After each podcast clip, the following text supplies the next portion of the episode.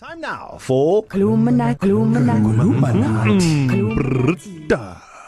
Sky Shabalala, Yes, sir. your teacher. Yesterday, you said, uh, gave us the word, please bring the bill, which was ngicela, ngi- uh, ngicela ulete ibil. Mm-hmm. I get it right? Yes. All right. So today, Florence has said to us, Sky, please can you teach me how to say in Zulu, would you like to dance with me? Mm.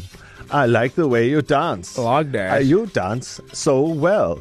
I like the way you dance. So remember yesterday I break it Would down you for like you. to dance with me? Hey, remember yesterday I broke it down for you. Yes. Um, it was please bring the ball, ngicela ulethe bill, or if you want to say please bring me the ball, mm-hmm. is ngicela ungilethela Yeah. i-bill. I'm just gonna go te ibil. That works, sir. Yeah. So, would you like?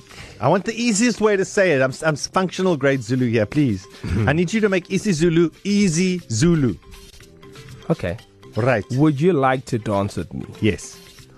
Ungathanda yini ukudansa nami? No, it's anyone. It's not necessarily Tanda. I don't want to dance with Tanda. I want to dance with no, anyone. not Tandi. Oh, Tanda. we'll go. Okay. Okay, so it's anyone. Would you like to dance with me? Okay. Ungathanda yini ukudansa nami? Yo. Direct translation to that is would you love I think I'm just gonna to buy her a dance with drink. me?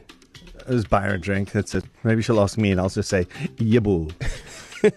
Sugar. Give it to me one more time.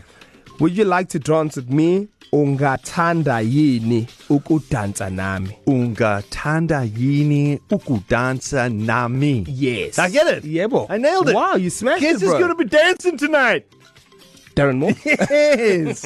oh, nice. Listen, Alistair, if you missed any of our previous episodes of Kuluminati, they're all E available for you online, ecr.co.za. Click on East Coast. East Coast Breakfast.